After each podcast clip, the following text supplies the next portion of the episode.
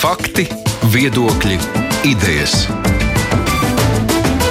Raidījums Kruspunkta ar izpratni par būtisko. Studijā Mārija Ansone. Kruspunktā kopā ar Latvijas radio ziņu dienestu turpinām vērtēt nākamā gada budžeta projektu un ministri izvirzītās prioritātes, un šodien ir kārta kultūrai. Tā ir joma, kuras darbība pandēmijas laikā tika stipri ierobežota, tiek ierobežota, un lai arī kultūras pasākumi notiek, tomēr ar tādu vērienu, kāds bija iepriekš, tas nevarēs notikt vēl nezināmu laiku. Kādas ir kultūras ministrijas prioritātes nākamajam gadam, par to runāsim šodien raidījumā. Valsts budžets 2022. Tūlplānā. Pēta un analizē Latvijas radio ziņu dienas un raidījums Krustpunktā. Kopā ar mums šodien studijā ir kultūras ministrijas valsts sekretāra Dats Vilsona. Labdien! Labdien! Tāpat arī studijā ir pasa Latvijas pasākumu norišu vietu asociācijas vadītāja Ieva Irpina. Labdien! Labdien. Atālināti mums pievienojušies Latvijas radošo savienību padomas ģenerālsekretārs Haralds Matulis. Sveicināti! Sveicināti! Un dziesmu svētku biedrības valdes priekšstādātājs Inste Terovskis. Labdien! Labdien! Bet ieskatām īs ziņu dienesta sagatavotais ieraksts. you Latvijas kultūras ministrijas budžets šogad ir 226,6 miljoni eiro. Tas nozīmē, ka katrs Latvijas iedzīvotājs no saviem nodokļiem šogad kultūras nozarei atvēlējis 122 eiro. Salīdzinājumam Lietuvas kultūras ministrijas budžets 2021. gadam ir 336 miljoni eiro.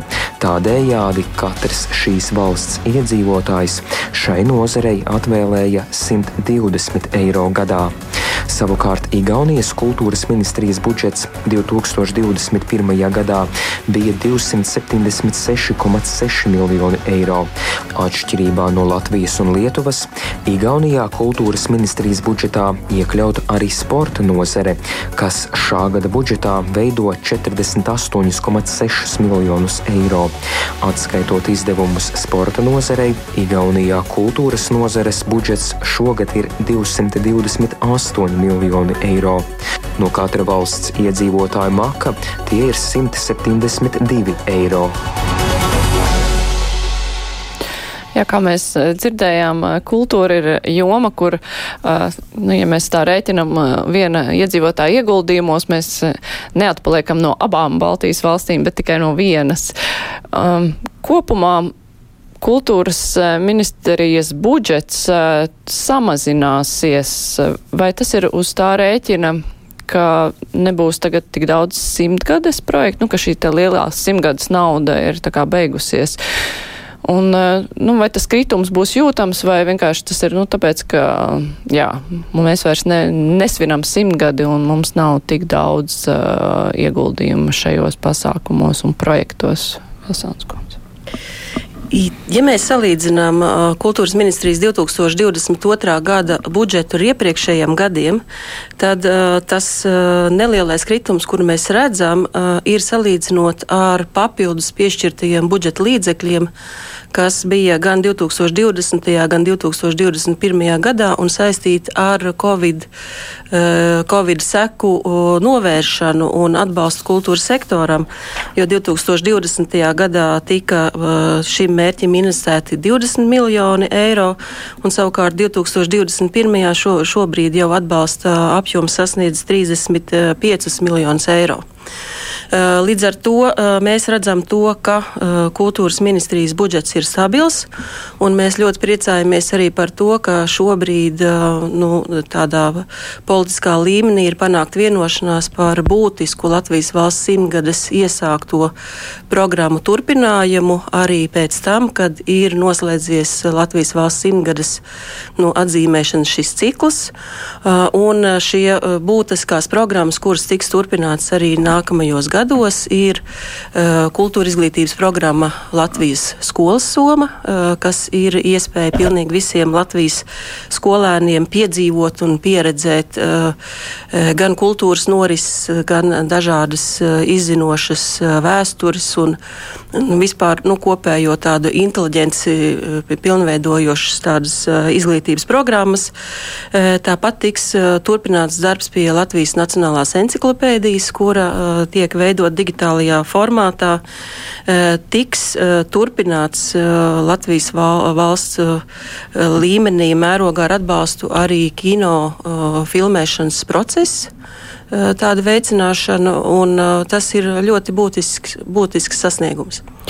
Viena no lielajām lietām, kas arī tika uzsvērta runājot par kultūras ministrijas prioritātēm, ir atalgojuma celšana kultūras jomā strādājošajiem. Bet runa jau ir tikai par valsts kultūras iestādēm, tā? Jā, mēs šobrīd atalgojuma politikā runājam par nu, div, diviem sektoriem. Valsts budžeta līdzekļi tiešā veidā tiek piešķirti tieši valsts kultūras institūcijās strādājošajiem.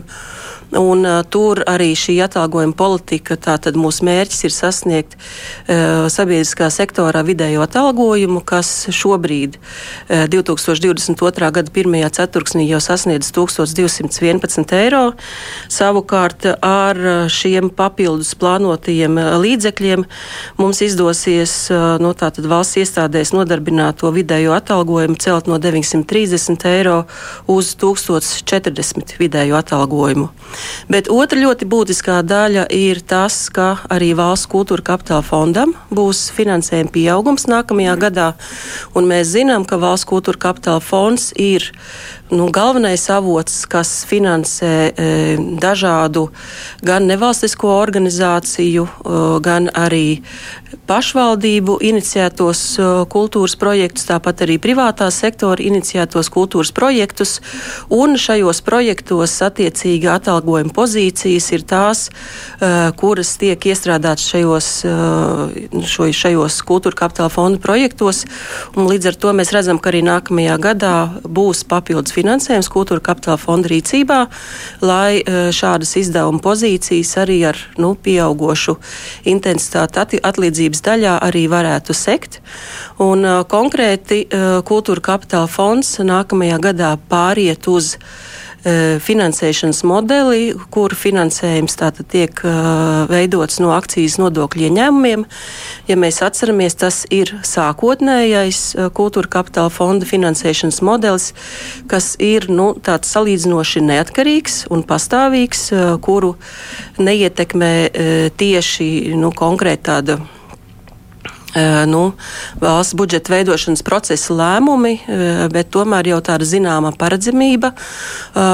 Līdz ar to mēs ceram uz to, ka gan nākamajā gadā pāriešana šo te modeli, gan arī politiskā vienošanās par to, ka 2024. gadā būs vēl papildus plānots finansējums kultūra kapitāla fondam, arī atalgojuma pozīciju, tātad nevalstiskā sektora kultūras darbiniekiem mēs varēsim nu, tā stabilizēt. Tā. Matoļkungs, um, mēs jau dzirdējām, ka šis algu pieaugums ir uh, tiem, kas strādā valsts kultūras iestādēs. Um, radošajā, radošās savienības savukārt veido lielākoties cilvēki, kuri nu, ir vai nu pašnodarbināti vai individuāli mākslinieki. Un, uh, Šeit pieminētais papildus pieaugums eh, kultūra kapitāla fondam, eh, vai tas ir pietiekoši būtisks, lai nu, kaut kādu uzlabojumu justu arī cilvēki, kuri nestrādā valsts kultūras iestādēs? Jā, paldies, ka mēs sākām ar šo svarīgāko jautājumu. Nu, kopumā jau es gribētu teikt, ka ir labi gadi un ir slikti gadi. Un, ja mēs saskaitām kopā, cik kultūrai nākamgad nāks plusā, tad noteikti uh, kultūras ministrija labi pastrādājusi. Runājot par atalgojumu, mūsu politika vienmēr ir bijusi nevis teikt, ka jāņem nost kādam, bet ka ir jādomā par visiem. Un tajā ziņā es redzu progresu, jo šķiet vēl 19. gada sākumā, kad tika veidota valdības deklarācija, tad parādījās no kultūras puses, ka mēs paaugstināsim atalgojumu kultūras institūcijās. Tad mēs teicām, tā nevar, mums ir NVO sektors. Līdz ar to es teiktu, es redzu, ka ministrija par to domā, un es redzu, ka tiešām tas KKF finansējuma pieaugums daļēji šo situāciju risinās. Tā varbūt problēma ir tā, ka nevienam jau nav īsta statistikas, cik ir tie cilvēki, kas no NVO, no KKF finansējuma pārtiek, cik lielā mērā pārtiek, un kas ir vēl tie, kas varbūt netiek no KKF nofinansēti, bet kas arī ir kultūras nozares sektors. Līdz ar to es saredzu, ka vēl ar vienu NVL sektorā saglabāsies tas atalgojums mazāks nekā iespējams valsts vai pašvaldību institūcijās. Reizē es arī gribu teikt, ka tas otrs virziens, pie kā mēs ar kultūras ministriju jau gadiem strādājam, arī šis tiešais sociālais atbalsts radošo personu atbalsta programma gan pensionāriem, gan arī darbspējīgā vecumā. Tā kā tas jautājums ir komplekss ne tikai par atalgojumu, tiešā un netiešā veidā, bet arī par dažādu veidu sociālo atbalsta mehānismiem, tiem, kas, kam tas tieši vajadzīgs.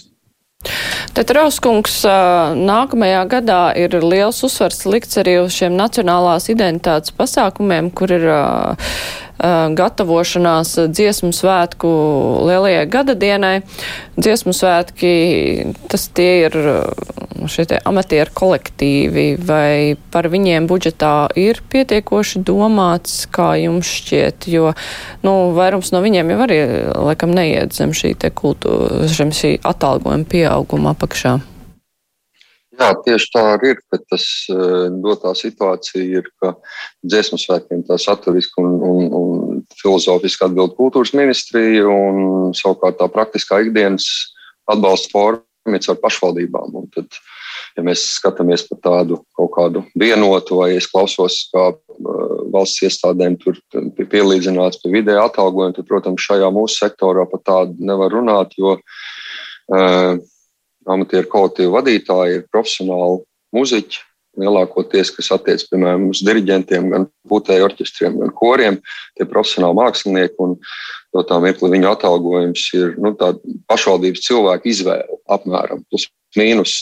Svārstās no 100 eiro mēnesī varbūt kādam ir kādi 500 vai varbūt vairāk, bet tādas konkrētas kārtības un tādas noteiktas sistēmas nav. Par to ir arī darba grupa Nacionālajā kultūras centrā. Mēs strādājam pie šīm iespējamām izmaiņām. Arī runājot par kultūras ministru, protams, ka tā, retorika ir ārkārtīgi pozitīva. Arī dziesmā kontekstā viņš vairāk kārtīgi minējis par prioritātēm, un arī dziesmā padome tikusies ar prezidentu kopā ar, ar Puntuļu kungu. Un, un tur jau nākamais gads iezīmējās ļoti rožains un jau tika sastādīta kāda finansējuma, ka valsts varētu lielāku artavu sniegt amatieru kolektīvu vadītāju atbalstā. Un šeit es varbūt pieminēšu vienu būtisku lietu, arī man uzrunājot uz šo sarunu, arī izskanēja vārds pašdarbība. Nu, man, man teica, ka būs saruna par pašdarbības kolektīviem, vienkārši lai tā skaidrība ir, atceramies, ka amatieru kolektīvus vada profesionāli muziķi dažādās jomās, un tie cilvēki, kas ir ieguvuši augstākās izglītības dažādos līmeņos. Un,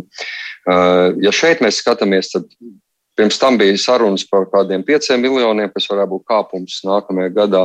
Tas nav realizējies, bet ir runa par pusotru miljonu. Protams, tas ir nebijis gadījums, kad kultūras ministri uzņemās tādu finansiālu atbildību dziesmu procesā tieši vadītāju kontekstā, jo līdzinājā kārtība, ko paredz arī dziesmu likums, ir, ka ir nemainīgā mērķdotācija. Mērķdotācija, kas ir arī nākamgad ieplānota iepriekšējā apmērā, ir 1,1 miljonus uz visiem amatieru kolektīviem Latvijā. Vienkārši, lai ir skaidrība, jo bieži šķiet, ka nu, nu, tie amatieru kolektīvu profesionālie vadītāji tur tā kā nieras pa taukiem, bet pēc būtības tas valsts atbalsts ar meditāciju vienam amatieru kolektīvam arī nākamgad, tāpat kā šogad būs ja tas ir koprepertuārs, tātad koris, dejotājs, pūtējs vai ko, laikam koklis arī tajā skaitā ir, tad ir 806, 806 eiro gadā uz kolektīvu. Nevis mēnesī, bet gadā, kas sarēķinot ir 67 eiro pirms nodokļu nomaksas. Tā ir summa, ko no valsts meditācijas kontekstā Eh, šogad un arī nākamgad saņems eh, kolektīvu Latvijā. Tad šīs pusotras miljonas, kas ir paredzēts tieši kolektīvu vadītājiem, eh, tas ir vismaz kāds kāpums. Protams, tas nav varbūt tas cerētais apjoms, un arī, mm, protams, jāskatās, kādā statusā šī, šis finansējums ir.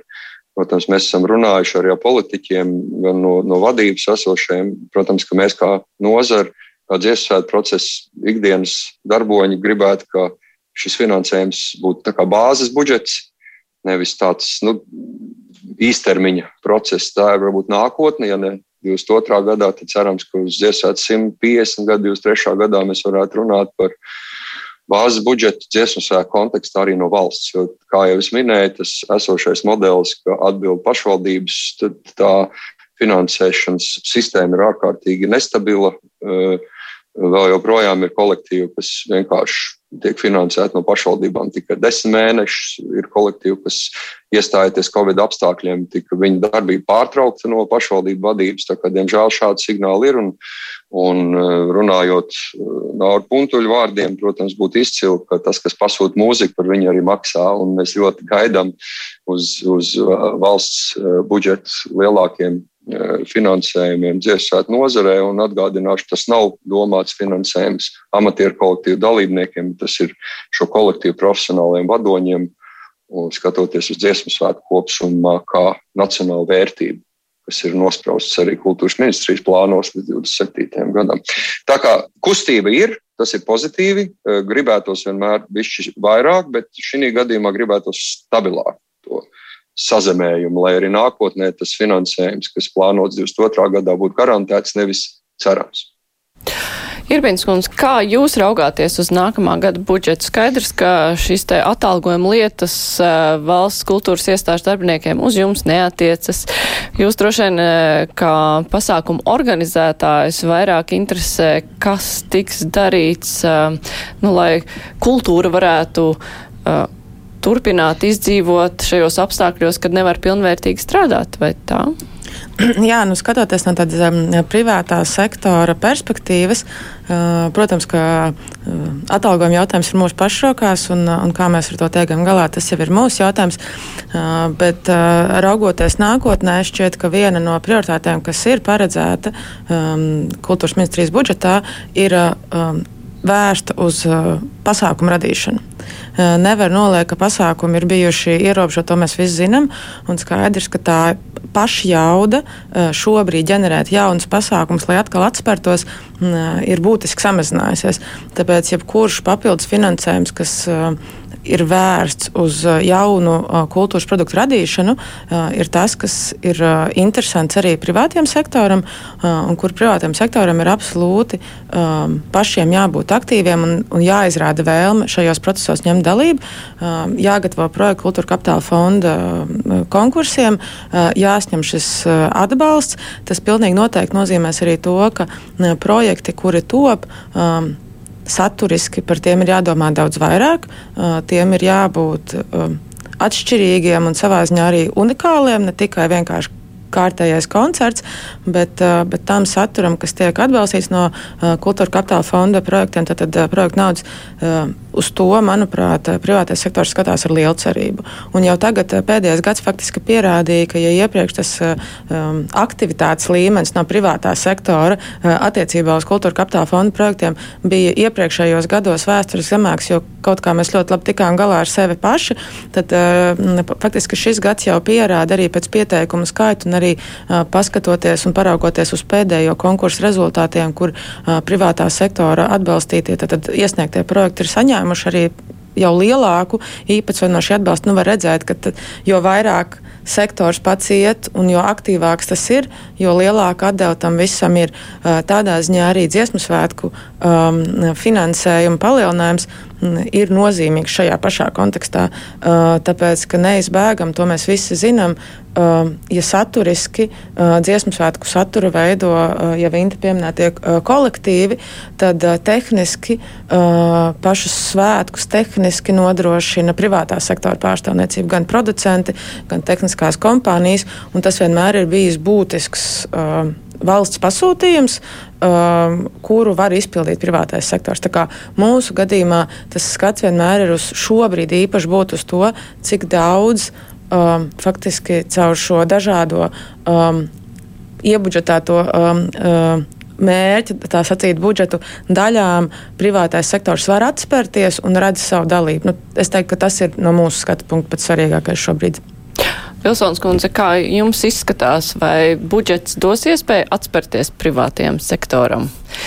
Jā, mēs esam diezgan cieši strādājuši, jo īpaši šos divus pandēmijas skartos gadus, un esam daudz vairāk arī viens par otru uzzinājuši un sapratuši, kā, kā labāk sadarboties un kā, kā sistēma funkcionē.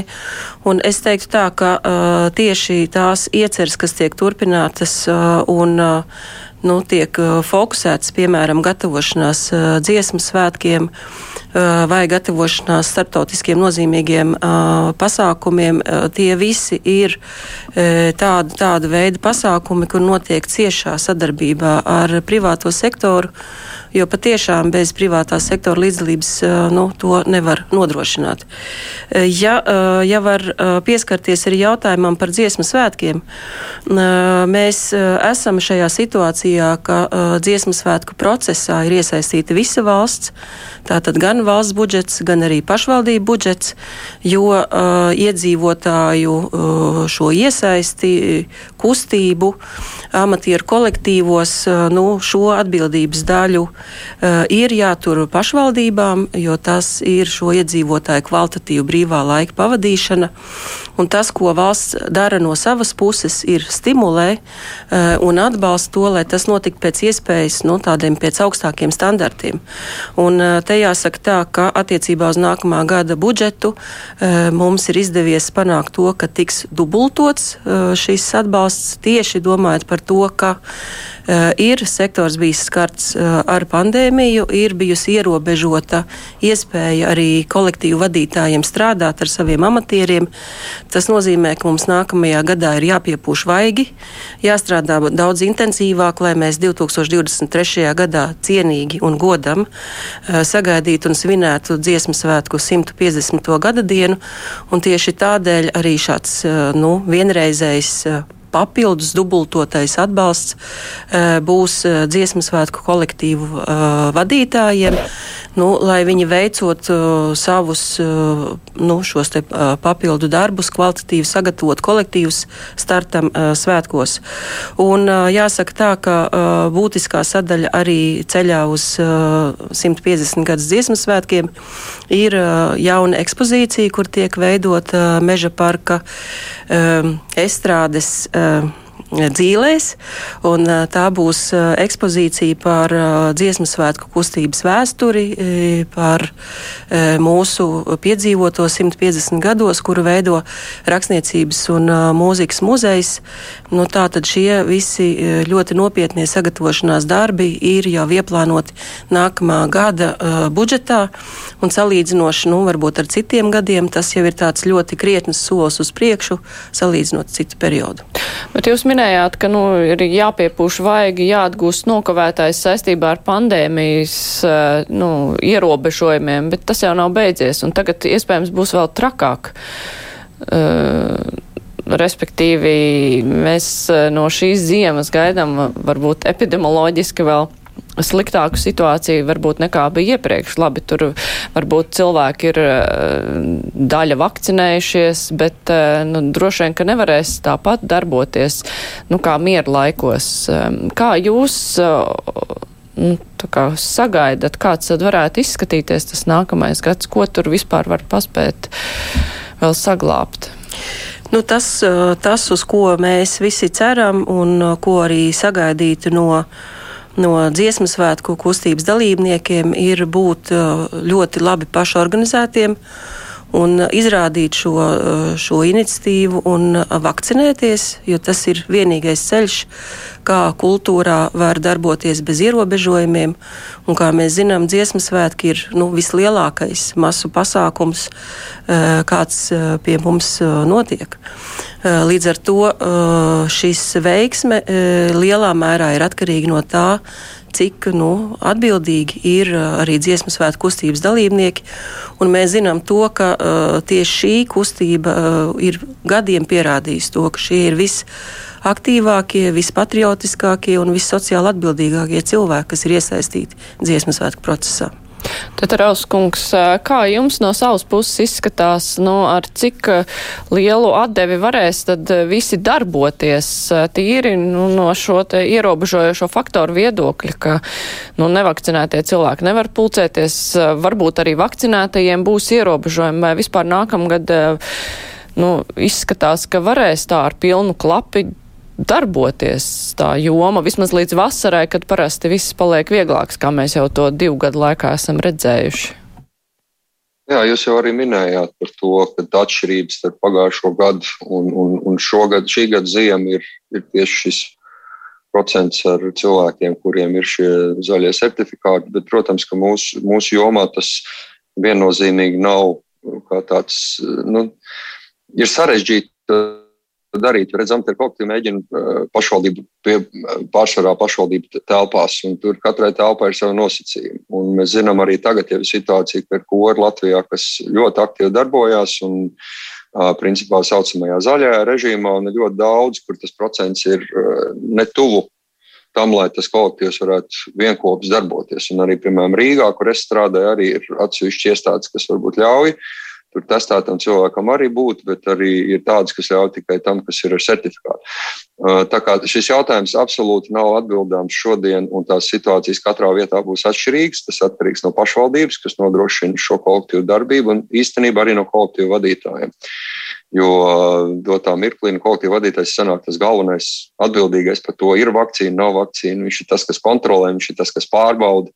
Ja, tā kā vadītājiem ir nepā, neap, neapšaubām dubultas slodzes, piemēram, man arī es vēl vasarā atceros, ka bija iespēja strādāt atsevišķi pa 20 cilvēku. Mēs varējām, nu, reāli es strādāju dubultā. Es dalīju, man ir vairāk kā 40 dziedātājs, dalīju koru daļās un es strādāju divtiku lai es varētu visus savus koris ar viņiem darboties. Tas pats paredzams arī ziemas periodā, ja būs kādi skaitliski ierobežojumi. Bet eh, viena varbūt tāda pavisam aktuāla lieta, kas šodien arī notika Dziesmēt mākslinieckā padoma, kuras arī bija klāt, un tad tas uzstādījums bija tāds, ka, nu, ja gadījumā 23. gadā vēl ir kaut kādi ierobežojumi, tad tomēr mēģināt 150 gadu dziesmu svētkus nosvinēt tajā koridorā, kad var visi piedalīties un visi būt. Tad varbūt izskanēja arī tā doma, ka varbūt jāpārceļ kaut vai vēlāk, tad, kad šīs ziepes beigsies un ka mēs vairs nebūsim tie, kas dala cilvēkus pareizos vai nepareizos, vai tie, kas ir izdarījuši izvēli atbilstoši savai sirdsapziņai. Tā kā šeit, nu, es domāju, mēs skatīsimies uz priekšu, katrai vienam kolektīvi darbojas un arvien aktīvāk, īpaši tādā vasaras rudens sezonā bet viennozīmīgi nav arī, diemžēl, statistika, kā tad mums dotā mirklī ir tā situācija. Mēs esam sagatavojuši tādu anketu. Mēs no biedrības puses arī sadarbībā ar Latvijas diriģentu asociāciju uzrunāsim Latvijas diriģentus. Tieši pieņemsim par diriģentu sfēru, lai saprastu, kā tas ir. Protams, ir vēl dejotāji un visas citas dziesmu procesā iesaistītās radošās grupas. Jā, viegli nav, un arī droši vien šī zima un pavasaris nebūs viegls, bet uh, katrā gadījumā darbs ir un, un, un, un svētkiem mēs gatavosimies. Droši vien, ka pasākuma organizētāji arī rēķinās ar to, ka nu, ir šis ierobežojošais faktors, uh, kas ierobežos darbību. Nu, Pirmkārt, tikai visur var piedalīties tie, kuriem ir zaļie certifikāti, un iespējams, ka vēl kaut kas tomēr varbūt tiks ierobežots, ja situācija kļūs sliktāka. Uh, vai jūs sagaidat, ka, nu, pieļaujat, ka varētu atkal, nu, būt vēl mazākas iespējas strādāt un nepieciešams papildus atbalsts no valsts? kas, cik es saprotu, pagaidām nav tāds ieplānots. Ja es vispirms varbūt mhm. tās mazliet šodien bija ministra kabineta sēde, eh, kur nu pat ir beigusies un kurā apstiprināja jaunos eh, ministra kabineta noteikumus par epidemioloģiski drošo prasību ievērošanu, eh, nu, kas ir noteikti horizontāli pa vis, visa aktivitāšu veidiem un jomām. Un, uh, tur ir ļoti arī skaidri šobrīd jau fiksēts tas, ka nu, pasākumu nozare, amatieru kustība un nu, pārsvarā ar kultūras norisēm saistītās aktivitātes varēs notikt divos formātos. Tas ir uh, testētām personām, un otrs formāts, ko jau šeit pieminējām, ir vakcinēto personu formāts. Līdz ar to nu, tā labā ziņa ir tajā, ka mums ir risinājums. Nevis tikai strikts nosacījums, kad ir jāierobežo un ka neko nevarēs darīt. Ir iedoti šie nu, instrumenti, ar kuriem var strādāt, un līdz ar to tagad darbs ir no sektora pusē pielāgoties apstākļiem un rast to risinājumu. Un skaidrs, ka šobrīd būsim godīgi zaļajā režīmā strādāt ir gan vienkārši, tādēļ, ka tas no rīkotājiem neprasa nekādus papildus izdevumus pārlieku liels. Mm, savukārt um, strādāt uh, režīmā, kurā var apmeklēt pasākums arī cilvēki ar testiem, ne tikai prasa lielākus izdevumus, bet arī faktiski samazina potenciālos ienākumus tādēļ, ka ievērojot distances, mums samazinās šis te, cilvēku skaits. Skatoties šobrīd mazliet statistiku par to, cik vispār pasākumu pārdošanā esošie ir šīm te, sauksim to, dzeltnajām režīmam, tad tas skaits ir ārkārtīgi mazs, un mēs redzam, ka tomēr rīkotāji vairāk vairumā izvēlās strādāt um, zaļajā režīmā, uh, tad, tad ierastajā režīmā. Um, būsim godīgi, pasākumi vienmēr ir bijuši saistīti ar um, paaugstinātu drošības risku, ne tikai veselības ziņā, bet daudzās citās ziņās. Mēs kā rīkotāji esam raduši strādāt domāt par, par uh, apmeklētāju drošību uh, ne tikai dažu simtu cilvēku pasākumos, bet arī daudzu tūkstošu cilvēku pasākumos. Šis te vēl viens, um, tā sacīt, uh, slānis ar epidemioloģisko drošību tādā griezumā, kādā tas ir atrastināts šobrīd zaļā režīmā, nav pārlieku, pārlieku um, sarežģīti. Tas, kas gan mums ir jāņem vērā, ir, ka salīdzinot pagājušā gada um, vasaras datus pret šī gada vasaras datiem, tad, tad pārdošana esošo pasākumu skaits un pārdoto biļešu skaits.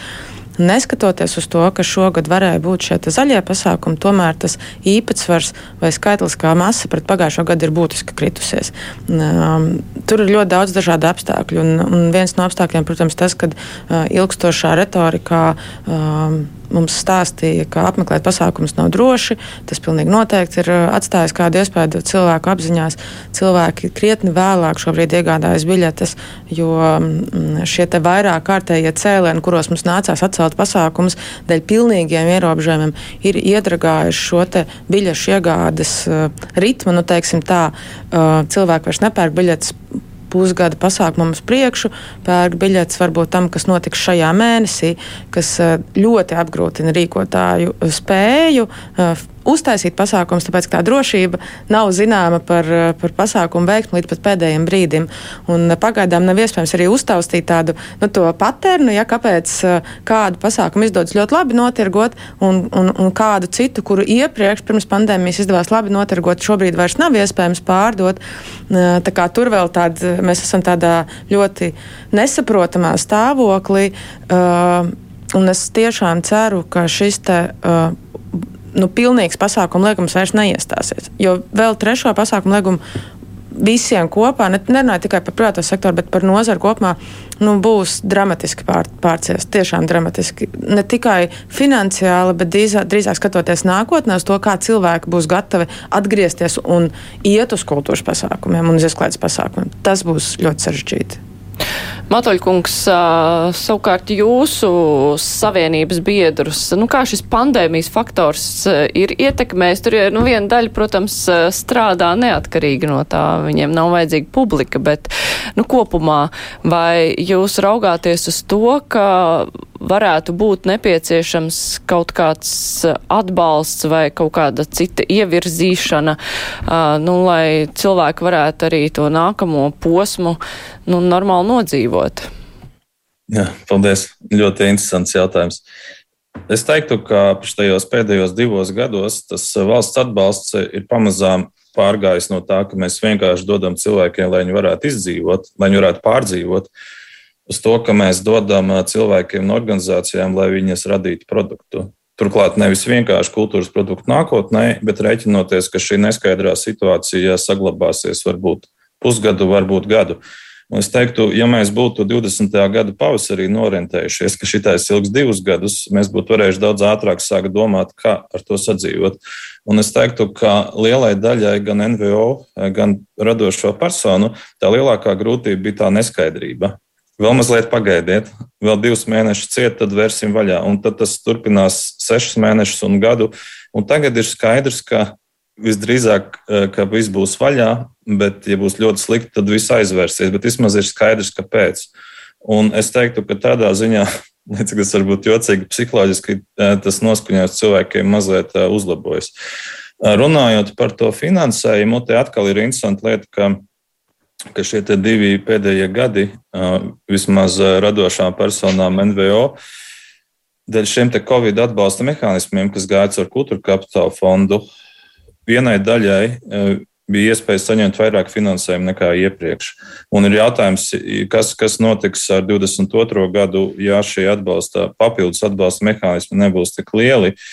Jo es esmu novērojis arī, ka šis papildu finansējums ir, ir, ir ļāvis nu, adekvātāk novērtēt savu darbu, un kaut kur celšās arī ir pakalpojumu cenas atlīdzība, cenas, kas principā ir labs process, kas iespējams nebūtu bijis iespējams bez šī Covid grūdiena. Runājot par konkrētu atbalstu, es domāju, jā, ka labāk tam būtu noteikti fokusētam atbalstam uz cilvēkiem, kas strādā un kaut ko ražo, kaut vai šajos neskaidrības apstākļos.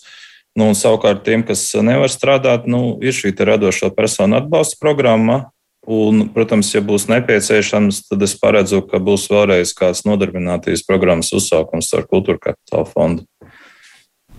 Jā, es atgādināšu Latvijas radio klausītājiem un vēlāk arī Latvijas televīzijas skatītājiem, ka šodien kopā ar mums ir eh, kultūras ministrijas valsts sekretāra Dats Vilsone, Latvijas pasākumu norišu vietu asociācijas vadītāja Ieva Irbina, Latvijas radošo savienību padomas ģenerālsekretārs Haralds Matulis un dziesmu svētku biedrības valdes priekšsēdētājs Insteterovskis. Tūlīt turpinām. Raidījums Krustpunktā. Matoļkungs vēl gribēju vaicāt, jūs jau pieminējāt, ka šobrīd eh, nu, nav tādas īstas statistikas eh, par to, kuri kultūras nozares darbinieki pārtiek no kultūra kapitāla fonda līdzekļiem un cik lielā mērā. Uh, bet vai ir kaut kāda skaidrība, kā šos cilvēkus uh, ir ietekmējusi nodokļu reforma, kas sāk strādāt pagājušajā gadā, jo tur bija liels neskaidrības tieši ar kultūras jomā strādājošiem. Nu, kā viņi tiks cauri gan ar eh, šīm minimālajām sociālajām iemaksām un citām lietām, ņemot vērā ienākumu neregularitāti. Jā, paldies, ka šīs pozitīvās sarunas kontekstā par papildus miljoniem mēs runājam arī par nodokļiem. Un tur es teiktu, ka arī eh, varbūt eh, tas sitiens ir ne tikai finansiāls, bet vairāk psiholoģisks. Viens ir ar šiem 10% pašnodarbinātiem, kur cilvēkam ir jāprognozē, ka viņam nebūs ieņēmumi ceturksnī līdz 1500 jā, jāraksta iesniegums. Tas ir kaut kas, ko vajadzētu mainīt. Otra lieta, ko mēs esam identificējuši, proti, tas, ka tiks izveidots vienkāršs nodokļu maksāšanas režīms, kas būtu šie 25%, vai nu tas ir mikro uzņēmuma nodoklis vai saimnieciskās darbības konts. Un šķita, ka konceptuāli arī Finanšu ministrija to vēlas. Diemžēl faktiski ir izveidots tāds režīms, ka uh, tie, kas ir darba ņēmēji, viņiem nav izdevīgi pieteikties uz šo vienkāršo 25% režīmu. Viņi faktiski tiek spiesti iekšā šajā te, pašnodarbinātais vispārējā nodokļu maksāšanas režīmā. Un tas ir kaut kas, kur man nav atbildi, vai finanšu ministrija tiešām šo sarežģīja, vai tas ir kaut kas, ko vēl var atrisināt. Jo mums tagad paralēli notiek eh, darba grupa eh, pie finanšu ministrijas, kur šis ir tas jautājums, ko mēs esam akcentējuši. Mēs vēlamies, lai būtu viens vienkārši taisnīgs režīms, kādā radošs personis var saņemt atlīdzību. Jo bez tā tur vienkārši iestāsies ārprāts no 1. janvāra. Tad Rauskungs, vai jūsu kā, nozarē strādājošie arī izjūt šīs te nodokļu izmaiņas, vai tas īsti neatiec uz amatieru kolektīvu vadītājiem, jo viņi visi, nu, tomēr strādā kaut kur citur arī lielākoties? Protams, ka tas ietekmē absolūti, un te es varbūt iepriekš minētu arī gribēju varbūt pakomentēt, jo, redz, ja mēs runājam ir um, pasākuma organizatori, tad jārēķinās, ka, piemēram, nu, pēc savu piemēru es varu teikt, ka no labi iepriekšējais gads nebija tas ražanākais, bet vidēji no apmēram 60 koncertiem, ko, piemēram, es veidoju savu koru gadā, uh, labi, ja pieci ir manas iestādes organizēti, kādi desmit varbūt ir kas ir mani aicinājuši, visus pārējais producē un organizē es. Protams, mēs neesam kā amatieru kolektīvs nevienā asociācijā iestājušies, bet pēc būtības mēs radām kultūras produktu, kas nav saistīts tikai ar dziesmu svētku repertuāru. Mēs to darām ikdienā un nemitīgi. Un, protams, Tā, kaut kas ir pazudis. Labi, Tetros kungs laikam tāda kāda. Šajā, ah, ir gan vismaz relatīvā pabērnu lomā.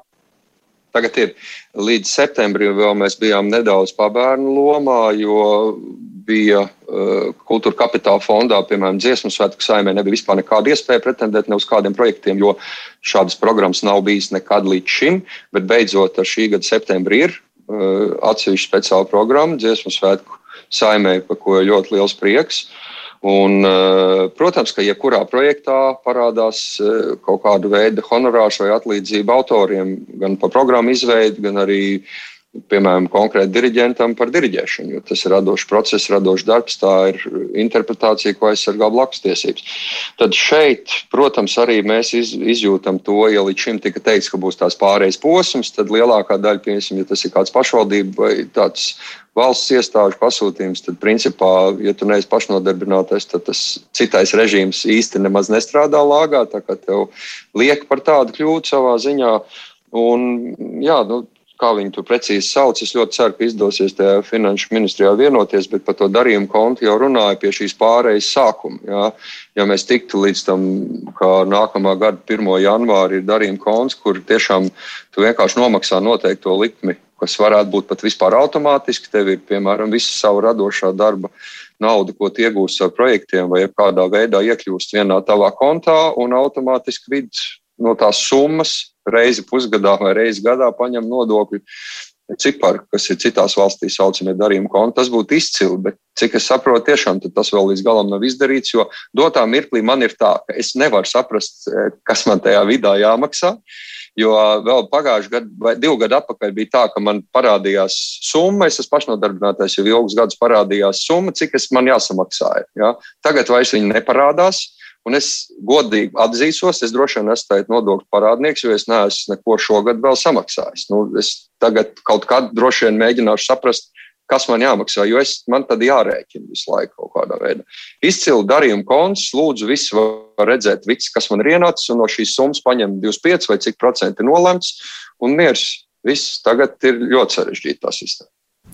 Vai šis kaut kā attiecas arī uz jums? Nu, absolūti, attiecas. Redzēt, man liekas, tā ir e, kopējā nozars e, specifika. Tāpat kā uh, Intam ir uh, vairāki kolektīvi, tāpat mm, tas jau tikai parāda, ka noteikti speciāls skaits nozarē ir ierobežots.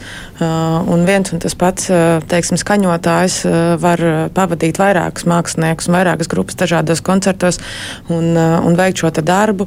Un skaidrs, ka tāpat laikā viņam ir iespējams arī pamatdarbs. Tā kā visnotaļ šis te nodokļu jautājums tiešā veidā attiecas arī uz mums. Un īpaši mēs to redzam Exceļos tajā brīdī, kad mēs gribam salikt kādu projektu kopā, un mēs redzam, ka tas tā sacīt kases apjoms ir būtiski samazinājies. Cilvēku atalgojums, ko viņi vēlas saņemt ir nu, faktiski nemainīgs, bet tas, kur tas aug, ir uz šo nodokļu rēķinu un tās uh, manevrēšanas uh, starp to, lai saprastu, ko tad kurā brīdī, kā mums būtu jāsmaksā. Tas ir, es domāju, nozars kopējs jautājums. Tas nav viena vai otra nozars spēlētāja jautājums, tas ir visas uh, ekosistēmas jautājums. Kā kultūras ekosistēma spēs ar šo tikt galā, lai tas būtu vienkārši un, un tiešām tā kā jau viss min vienkārši un saprotami un loģiski. Kultūras ministrija droši vien, kas sekos, kā radošajiem iet galā ar šiem nodokļu lietām, un jūs būsit vidutājs sarunās ar finanšu ministriju. Ja tur vajadzēs kaut kādas korekcijas veikt, skaidrs, ka nodokļu izmaiņas nebūs nekādas, nu, to jau finanšu ministrs teica, bet, nu, kaut kādas korekcijas droši vien jau, ka var ar laiku veikt. Jā, nu, pirmkārt, es domāju, ka te ir jāievieš skaidrība. Ir nodokļu reforma, kas tika veikta pagājušā gadā, tās bija divas divas, kuras notika vienlaicīgi. Tātad eh, pirmā bija saistīta ar eh, minimālā sociālā nodokļa ieviešanu visā ekosistēmā. Vis, visa veida ienākumos. Uh, un uh, šajā sistēmā ir nu, ļoti, ļoti izaicinoši uzdevumi, kā pareizi aprēķināt un kam piestādīt rēķinu par minimālo sociālo nodokli. Un šī, nu, šis, šī kvadrātsakne vai šis algoritms līdz galam valstī laikam vēl tā skaidri nav atrisināts. Tā iemesla dēļ arī Finanšu ministrija šobrīd ir izveidojusi darba grupu, kurā mēs kopā ar Haraldu Matuli arī esam pārstāvēti no kultūras sektora un vēl citiem entuziastiem. Un šajā te darba grupā tiek arī meklēti risinājumi no tām līdz galam neatrisinātajām tehniskajiem jautājumiem kā tādiem. Otra reforma uh, bija saistīta tieši ar uh, autora atlīdzības nodokļu izmaiņām, kuras uh, primārais mērķis bija panākt to, ka arī autoriem uh, ir nākotnē sociālais nodrošinājums, ka autoru uh, nu, šī ienākumi arī ir uh, redzami, ka viņi ir saprotami un, un autoram nākotnē ir šī nu, nākotne nodrošināta. Un līdz ar to šīs reformas ietvaros uh, mēs nonācām pie šiem diviem risinājumiem, ka autori jebkurā versijā reģistrē saimniecisko darbību un izvēlās divus nodokļu maksāšanas variantus. Vai nu kā pašnodarbināta persona, ko, kā es saprotu, izmanto uh, Institūta Rauskis, vai arī izvēloties šo mikro uzņēmumu nodokļu maksāšanu, kas būs tas instruments, lai nākotnē lietotu darījumu kontu. Uh, un uh, tas būtiskais panākums bija tāds, ka uh, tātad, šis nodoklis 25% ienākuma nodoklis sevī ietver lauvas tiesu sociālā nodokļa likmi 20% un ienākuma nodokli tikai 5%. Tas nozīmē, ka no katras atlīdzības, kas tiek autoram uh, ienāk kontā, uh, tā tad jau uh, būtiska daļa aiziet tieši sociālajiem nodrošinājumam. Uh, darījumu konta uh, izveidošanas tēma uh, nav apklususi. Uh, ir saimā pieņemts likums, kurš dod tiesības šādu pakalpojumu privātiem sektoram sniegt, jo šo veidos banku sektors. Un cik man ir informācija, arī šobrīd nu, Komercbanku asociācija strādā pie šī pakalpojuma ieviešanas. Es ļoti ceru, ka šāda iespēja arī būs no nākamā gada 1. janvāra. Nu, tātad mēs šobrīd esam tādā ļoti lielā nu, pārejas periodā, kurā mums ir jā, jāsaprot un jāapzinās, kā mēs darbojamies. Un arī šī iemesla dēļ, lai autoriem palīdzētu risināt šos jautājumus, e, kultūras ministrija arī nāca talkā radošo savienību padomē ar finansējumu. Mēs esam arī nodrošinājuši, ka no šī gada sākuma radošo savienību padomē e, strādā e, speciāli konsultants, eksperts arī nodokļu risināšanas jautājumos, lai nu, ikvienam palīdzētu palīdzētu norientēties viņa personiskajā situācijā. Jā, vēl mums nav daudz laika palicis. Es vēl gribēju paspēt uh, mazliet par kultūra kapitāla fondu runāt. Uh, nākamgad uh, tad pirmo reizi šis te uh, fonda finansējums tiek piesaistīts akc akcijas un azartspēļu nodokļiem. Tas ir tas iemesls, kāpēc tur tas papildus finansējums parādās. Kā tas veidojās? Jā, tā tad pirmkārt, nākamais gads ir tieši tas, kurā sāk darboties likuma grozījumos paredzētais, ka kultūra kapitāla fonds saņem līdzekļus no ienākumiem, kurus veido nu, prognozi par akcijas nodokli no alkohola, tabakas un azartspēlēm. Un, tas, nu, teiksim, salīdzinoši ar 2021. gadu, bāzes izdevumus pieaudzēja kultūra kapitāla fondam par 1,3 miljoniem eiro. Un uh, līdztekus uh, mums kultūras ministrijai ir izdevies piesaistīt arī kultūra kapitāla fondam um, nu, e Eiropas tādus uh, atvesļošanas līdzekļus uh, Covid no programmas Reaktiju, uh, kas arī nonāks kultūra kapitāla fonda rīcībā nākamajā gadā. Un uh, veidojot uh, un diskutējot par budžeta prioritātēm, uh, arī koalīcijas partneri ir vienojušies, ka 2024. gadā kultūra kapitāla fonds varētu cerēt uz vēl papildus diviem miljoniem eiro. Un, attiecīgi, tad mēs arī diskutēsim par to, lai eh, nu, atbilstoši šīs, eh, šīs eh, nu, fiskālajai ietekmei būtu arī izmainīti šie akcijas procentu apmēri, kāda tiek novirzīta kultūra kapitāla fondam. Tātad mēs, mēs ceram uz to, ka kultūra kapitāla fonda situācija stabilizēsies un nu, būs ar tādu pieaugošu rādītāju. Matoļkungs, kā jums šķiet šī piesaiste vieš cerības, ka naudas būs vairāk? Nu, tas ir kopumā vēsturisks panākums. Kad mēs skatāmies uz naudu, tad redzam, ka nav varbūt tik daudz vairāk, kā tika cerēts. Bet jā, tas ir šķiet 18. gadā, kad vēl Dācis Melbāras laikā notika šī konceptuālā vienošanās, ka ir atgriešanās pie akcijas nodokļiem. Tie iegūmi tur ir divi. Viens ir tas, ka Kultūra kapitāla fonds ir lielākais un visvairāk projektu finansējušā institūcija, un savukārt kultūras projektiem ļoti būtiska tā neatkarība. Tāpēc, lai cik mēs labi domātu par kultūras ministru, ir būtiski, ka šajā KKF padomē tie ir eksperti, kas lemj. Un tādā ziņā, protams, ka neatkarīgs finansējums nodrošina lielāku neatkarību. Tas otrs aspekts ir tas, ka eh, savukārt ir šī cerība, ka likumā ierakstīts finansējuma aprēķins nodrošinās, ka, ka sliktos laikos eh, nenotiks pēkšņi KKF finansējuma samazinājumi, kā mēs piedzīvojam 8. un 9. gada krīzē. Tas būtu tas konceptuālais iegūms. Eh, nu, un, kā mēs tagad redzam, ka laikam tomēr būtu jāatgriežas pie tiem pirmotnējiem procentiem akcijas nodokļiem, nevis pie tā kompromisa, kas bija 18. gadā. Jo tad mēs faktiski esam nu, gandrīz pie tā paša bāzes finansējuma, plus 1,3 miljoni.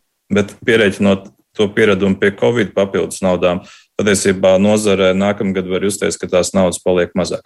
Tāpēc es, jā, es redzu, ka ilgtermiņā ir jāiet uz to, ka tie akcijas procenti tiek atgriezti pirmotnējā līmenī. Bet nu, sarunas par to vēl būs, Vilsons kundze. Tur vēl tā, pagaidām, kas stipri pāragri teikt, kā tad būs. Jā, nu, budžeta sarunas, protams, turpinās, un nu, arī, ja ministra kabinetā tiks pabeigts budžeta process, vēl jau ir arī debats un diskusijas saimā, bet mēs, protams, ļoti ceram, ka Šobrīd nu, sagatavotā budžeta izskats tiks apstiprināts, un uh, mēs varēsim īstenot tās ieceres, kuras esam iestrādājuši šajā budžetā. Un, un kultūras nozares cilvēki, kuri E, gan e, diezgan smagi cietuši ir tiešām šajā Covid periodā, nu, varēs uzelpot un pievērsties e, nevis uz izdzīvošanas jautājumiem, bet radīšanas procesam un radīt mums visiem sabiedrībai prieku. Bet uh, tas samazinājums, nu, ja bija prasījums no kultūras ministrijas prioritātēm apmēram 50 miljonu un palika pie 30 miljoniem, tad kurš bija tas, kurš pateica, nu, kultūrē tā būs tie 30? Tas bija finanšu ministrijas ziņā vai tā ir jau kaut kāda koalīcijas vienošanās? Nu, tā ir, protams, ļoti liela koalīcijas vienošanās. Tur visi politiskie spēki strādā kopā. Mēs jau zinām, ka ne jau kultūras nozare vienīgā, kurai ir jārisina nu, teiksim, būtiskas problēmas. Mēs atrodamies pandēmijas apstākļos, ir uh, jāstiprina veselības uh, aprūpes sistēma, ir uh, nepieciešams atalgojums gan pedagogiem, gan arī iekšlietu sistēmas darbiniekiem. Tāpat arī ļoti būtiski ir jāglābj finansējums zinātnē. Nu, tās jomas, kurās ir nepieciešams, nepieciešams investīcijas un prioritātes, ir, protams, ļoti plašas. Jāsaka tā, ka mēs nu, varam būt ļoti apmierināti šobrīd par sasniegto rezultātu nu, tajā kopējā, kopējā bildē. Jā, un es savukārt teikšu paldies Dats Vilsone, kultūras ministrijas valsts sekretāra Ieva Irbiena, pasākumu norišu vietu asociācijas vadītāja, Haralds Matulis, Radošo savienību padomas ģenerālsekretārs un Inste Terovskas dziesmu svētku biedrības valdes priekšstādātājs bija šodien kopā ar mums. Paldies, ka varējāt piedalīties, bet raidījums izskan producente Evi Junām un studijā bija Mārija Ansona. Vislabāk!